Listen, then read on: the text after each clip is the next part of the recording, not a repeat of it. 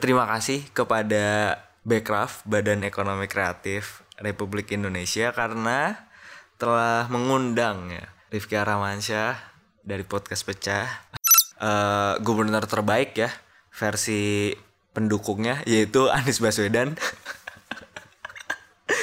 Ya iyalah menurut lu gimana coba pasti dia terbaik lah versi pendukungnya paling tidak ya Tadi dulu deh Anies Baswedan Gue juga bikin Instagram cuy. Podcast ini punya Instagram sekarang. Namanya Podcast Pecah gitu. Sangat sedikit orang yang membahas tentang Apa yang tidak akan berubah Dalam 5 atau 10 tahun ke depan gitu. Selalu fascinate sama hal-hal urban planning tuh karena ini Karena bisa membuat kita berubah gaya hidupnya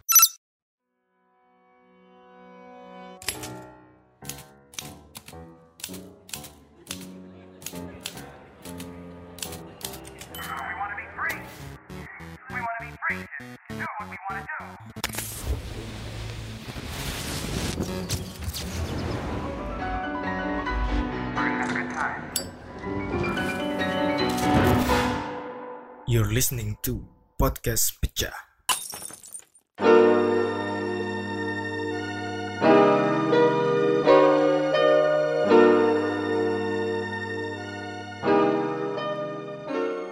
Hey, baik lagi di podcast pecah, podcastnya manca. Yuk, Kenapa bukannya selalu yuk yuk. Gue juga nggak tahu ah. Uh, selamat datang di episode ke-49 udah hampir menuju setengah dari 100 apa sih maksa banget? Biar kelihatan banyak gitu kan kayak so, hampir seperdua setengah seperdua repot bener. Setengah dari 100 gitu. Biar kelihatan banyak aja. Itu tips ya tips ya. Jadi kalau misalnya ntar lo ditanya gaji lo berapa lo bisa bilang misal ya sekitar 10% dari uh, eh, 100 juta tapi 10% ya gitu. Lo bisa bilang kayak gitu. Biar kelihatan banyak aja bisa flexing tai lah Cigita. Uh, Oke, okay, uh, eh, episode 49 ini gue mau membuka dengan berterima kasih kepada Bekraf Badan Ekonomi Kreatif Republik Indonesia karena telah mengundang ya Rifki Aramansyah dari podcast pecah untuk menjadi narasumber dalam pembuatan modul terkait pengembangan sektor kreatif khususnya to be spesifik maksudnya di sektor radio dan podcast gitu. Terima kasih Backcraft ya. Uh, dan terima kasih buat kalian semua juga. Karena ya kalau nggak ada yang dengerin lo gue nggak bakal bikin podcast kali. Cik gitu. Uh, ya kayak gitu. Pokoknya gue seneng banget sih tuh. Kayak man like who the fuck I am man. Terus gue diundang itu di Aula via Instagram di DM sama orangnya lalalalalala uh, ya udah gue datang. Terus banyak bertemu dengan orang-orang dari sektor kreatif yang lain. Ada dari kria ada dari desain desain komunikasi visual maksud gue terus juga ada apa lagi tuh? Satu lagi lupa gue ada empat pokoknya. Dan juga bertemu di sektor di sektor yang uh, gue jadi narasumber radio dan podcast tuh. Gak cuman ada podcaster ada juga namanya Mbak Mia Iya Mbak Mia. Yang turn out ternyata dia satu kantor uh, sama Adriano Colby buset. Gue jadi kayak mm, seriously. Cik gitu Udah uh, Flexingnya najis lah Kesel banget gue. Cuman kayak gitu doang Segala sombong lu cah Orang-orang tuh pendengarnya banyak. Lu cuman diundang ke Backcraft Pendengarnya dikit Sombong banget. Apa sih? Uh, Oke. Okay. uh, Jadi uh, Kali ini gue mau bahas tentang hal yang baru saja dilakukan oleh uh, gubernur terbaik ya versi pendukungnya yaitu Anies Baswedan. ya iyalah lu menurut lu gimana coba pasti dia terbaik lah versi pendukungnya paling tidak ya. Walaupun ada pendukung yang pasti mengkritik dia tapi buat pendukungnya harusnya dia paling baik sih. Terbaik gitu. But whatever.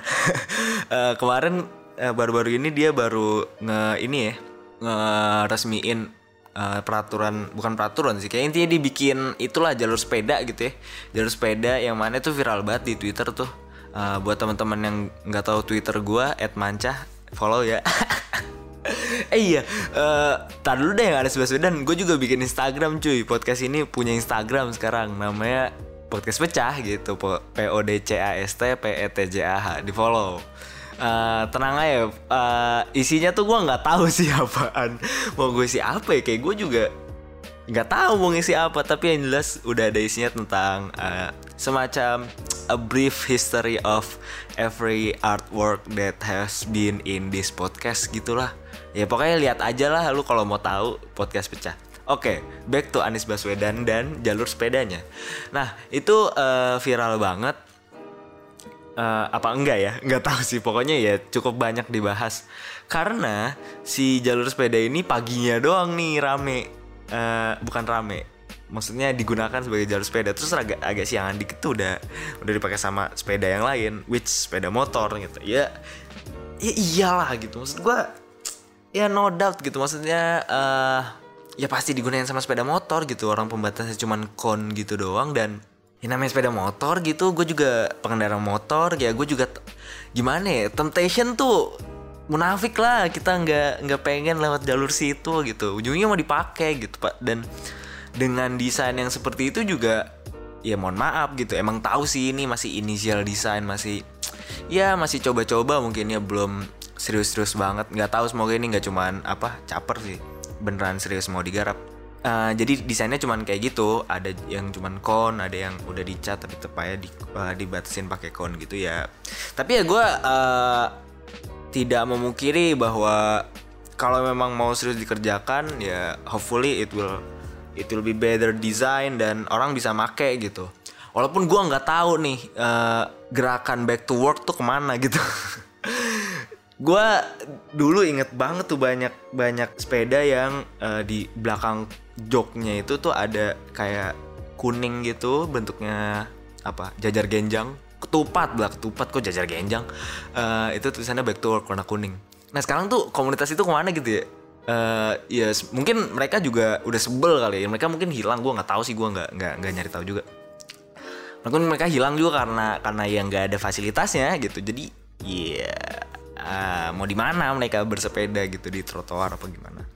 Uh, kan nggak nggak pada tempatnya juga makanya mungkin mereka itu hilang ya tapi ya again uh, the point is uh, gue appreciate semoga ini bener-bener dilakuin bener-bener diseriusin karena memang uh, terkait sepeda ini gue melihat paling nggak di lingkungan gue ya. Gue kan orangnya nggak ini ya nggak berolahraga. Uh, maksud gue dulu gue I used to be an athlete cuy. Uh, eh, gue atlet basket dulu. Tapi kayak sekarang aduh apaan sih olahraga gitu. Gak tau ya uh, gue pengen olahraga sih tapi pengen doang. Malah saya yang ngelakuin ya. Uh, apa sih? Uh, namanya uh, melihat lingkungan gue banyak nih yang mulai pada bersepeda gitu. Bersepeda keliling-keliling teman-teman gue di Jogja yang masih tinggal di Jogja masih yang orang Jogja gitu. Tuh banyak banget teman-teman gue yang yang sekarang main, main sepeda dan kayaknya beberapa temen gue di Jakarta juga ada sih yang mulai main sepeda. Which again gue sangat appreciate dan ini banget cuy. Apa sih namanya? Uh, respect lah gitu. Yang penting intinya terkait jalur sepeda pertama desainnya harus benar. Kalau sebacanya gue briefly dan sepengetahuan gue anjir nih gue politik korek banget ya. Gitu apa? Uh, terkait jalur sepeda itu tuh yang penting uh, desainnya bagus, baik gitu, bukan bagus secara estetik ya, tapi baik, tepat gitu. Uh, kalau bisa yang efektif, setahu gue tuh jangan di uh, jalan raya barengan sama kendaraan lain. Itu yang baik tuh di trotoar gitu. Jadi trotoarnya tuh kayak dibikin uh, kalau nggak salah di mana gitu ada ya? Di Jatinegara apa di mana gitu? Gue lupa. Kayak kalau nggak salah di Jakarta udah ada deh. Intinya trotoar itu dikasih semacam sesuatu gitu. Nggak nggak nggak sesuatu gimana gimana juga sih tapi ini ada pembeda antara trotoar yang buat jalan kaki sama buat sepeda. Nah itu lebih lebih efektif buat uh, para pesepeda karena kalau ada motor tinggal dikasih pembatas-pembatas yang kayak besi-besi gitu itu bisa motor kan jadi susah masuk tuh. Ya pokoknya uh, sebaiknya desainnya yang kayak gitu sepaham ya gue tapi ya bisa lah Anies Baswedan the best gubernur by his supporter. Memikirkan gimana desain yang baik karena di sekitar dia juga pasti banyak orang-orang pintar atau yang bisa minterin dia. I don't know but hopefully it will be a better. Dan speaking of jalanan ini kan tadi kita ngomong jalur nih jalur sepeda jalur sepeda. Uh, menurut gue ada hal yang menarik gitu. Kenapa hal menariknya? Menariknya gini, semua orang, nih gue step back dulu nih. Uh, semua orang zaman sekarang tuh bahas tentang apa yang akan berubah gitu. Apa yang akan berubah dalam 5 10 tahun terakhir. Eh 10 tahun terakhir ke depan goblok banget manja. Uh, 5 10 tahun ke depan apa yang akan berubah? Gimana perubahannya? Bagaimana kita beradapt untuk uh, menerima perubahan itu? Apa skill set skill set yang dibutuhkan dan bla bla bla bla dari mulai personal sampai uh, our city, our our government, our country, something kayak gitu lah pokoknya intinya sem semua orang sangat into ke hal-hal yang yang ke masa depan, which good nggak ada salahnya.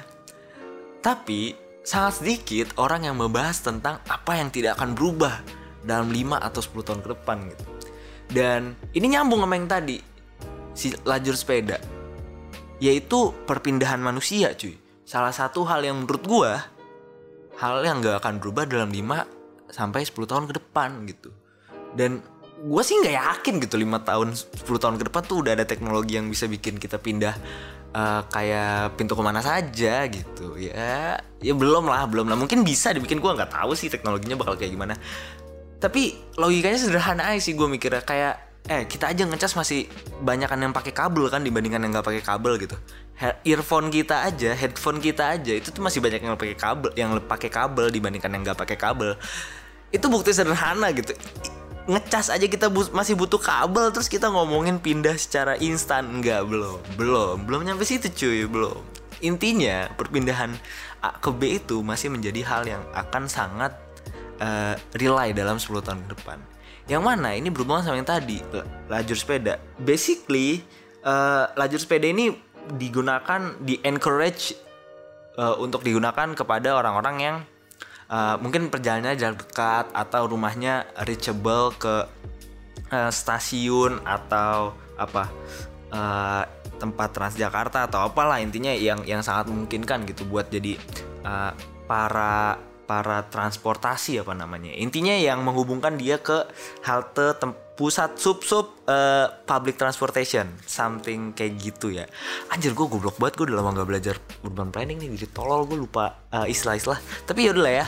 Uh, terus terus ngapain gue dengerin lu cah terus kata pendengar gitu kayak anjir nih orang udah lama gak belajar gue masih dengerin dia.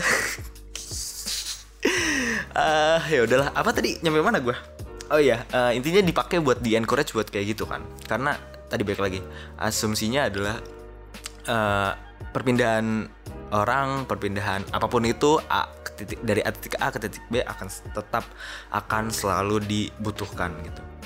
Nah, uh, dan perpindahan ini otomatis membutuhkan jalan kan. Tadi contoh spesifiknya adalah jalan untuk uh, pesepeda.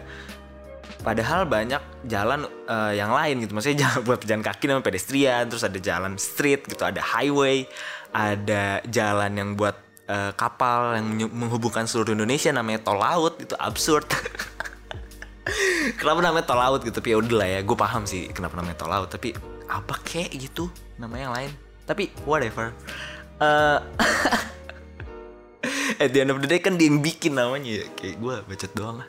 Uh, aduh gue tau mulu maaf ya. Uh, apa tadi? Nah iya intinya butuh jalan nah di jalan ini uh, adalah dalam konteks uh, urban planning tuh salah satu aspek yang sangat mempengaruhi kehidupan gitu.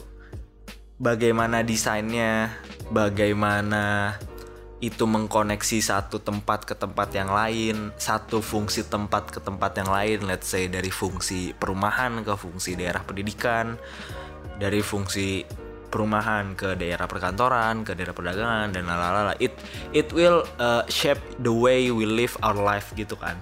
That's why it's matter so much. And balik lagi ke yang tadi asumsi gue paling nggak menurut gue sih. Dan gue yakin secara logika ini nggak salah-salah amat kok. Itu 5 uh, sampai tahun 5 sampai 10 tahun ke depan akan tetap dibutuhkan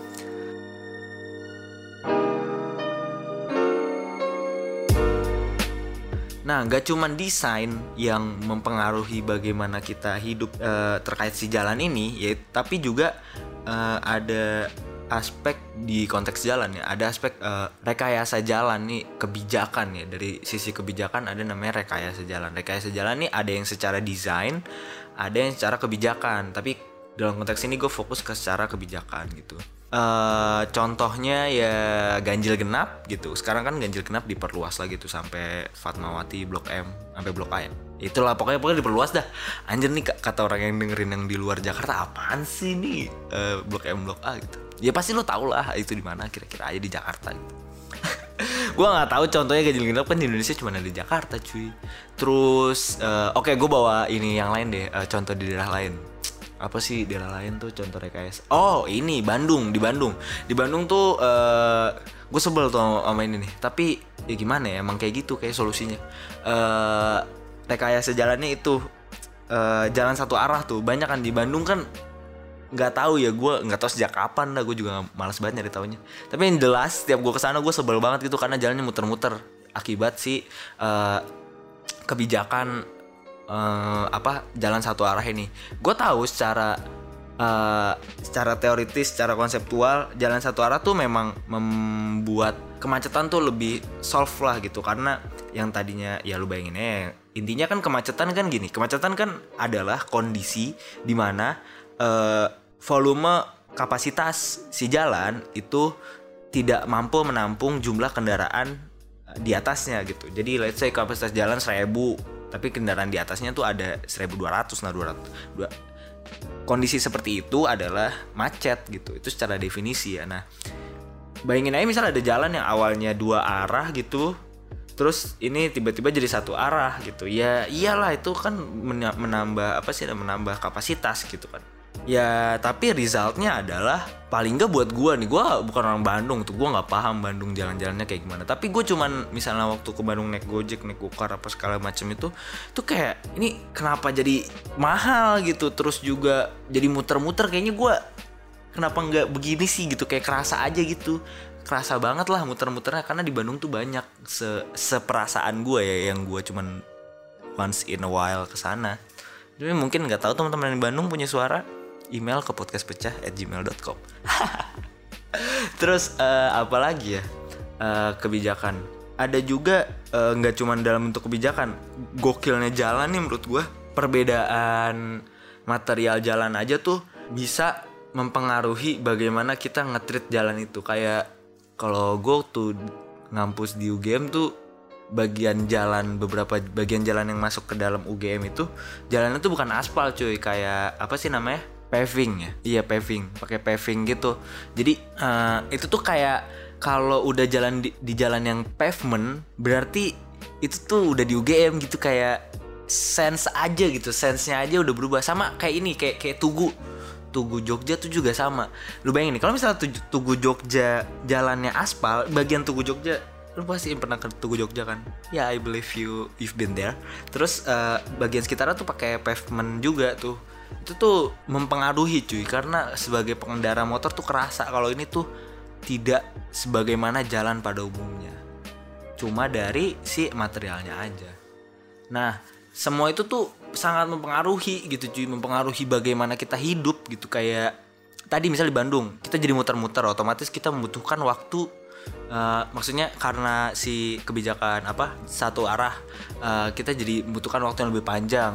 Dan yang lebih concernnya lagi menurut gua eh, secara teoritis ya, secara teoritis dan konsep yang gue pahami, ketika jalan itu makin banyak kendaraan dan makin lebar, lu bayangin kayak kalau dua arah, jalan yang dulunya dua arah terus jadi cuma satu arah, itu kan kendaraannya jadi makin banyak tuh, makin apa kendaraan makin banyak, jalan makin lebar. Nah, ketika jalan makin lebar, in a sense makin lebar ya, eh, itu tuh mempengaruhi ekonomi-ekonomi kecil di sekitarnya cuy, karena eh, ya orang tuh jadi nggak lihat gitu nggak lihat apa yang ada di sekitarnya ya kan? Karena dia lebih fokus sama jalannya dia menikmati jalannya. Justru eh, jalan ini adalah bukti in a sense itu bukti bahwa ya memang kita tuh dipaksa untuk menggunakan kendaraan gitu. Anjir itu bisa nggak ya? Bisa lah kayak gitu bisa dibilang kayak gitu in a sense ya. Karena sebenarnya kita gitu yang yang pejalan kaki nih harusnya yang diutamakan gitu. Tapi kan kita belum nyampe sana ya. Tapi ya harusnya arah kebijakannya tuh ke sana gitu. Makanya gue appreciate apa yang tadi Anies Baswedan lakukan gitu. Gue tuh selalu fascinate sama hal-hal urban planning tuh karena ini karena bisa membuat kita berubah gaya hidupnya. Dan itu menurut gue nggak banyak keilmuan yang bisa practically doing that gitu. Bukan berarti keilmuan lain jelek ya gitu maksudnya mungkin uh, karena ini lebih ke public uh, matter makanya itu lebih kayak begitu dampaknya. Tapi ya uh, belajar apa pun ya nggak apa-apa lah gitu. Apa pun bukan berarti urban planning yang bagus kagak lah gitu. apa pun dipelajarin. Ya pokoknya gitu aja lah gue mau ngomong itu. Uh, sekarang gue mau baca email aja lah. Baca email karena ada satu email yang menarik. Ntar gue cari dulu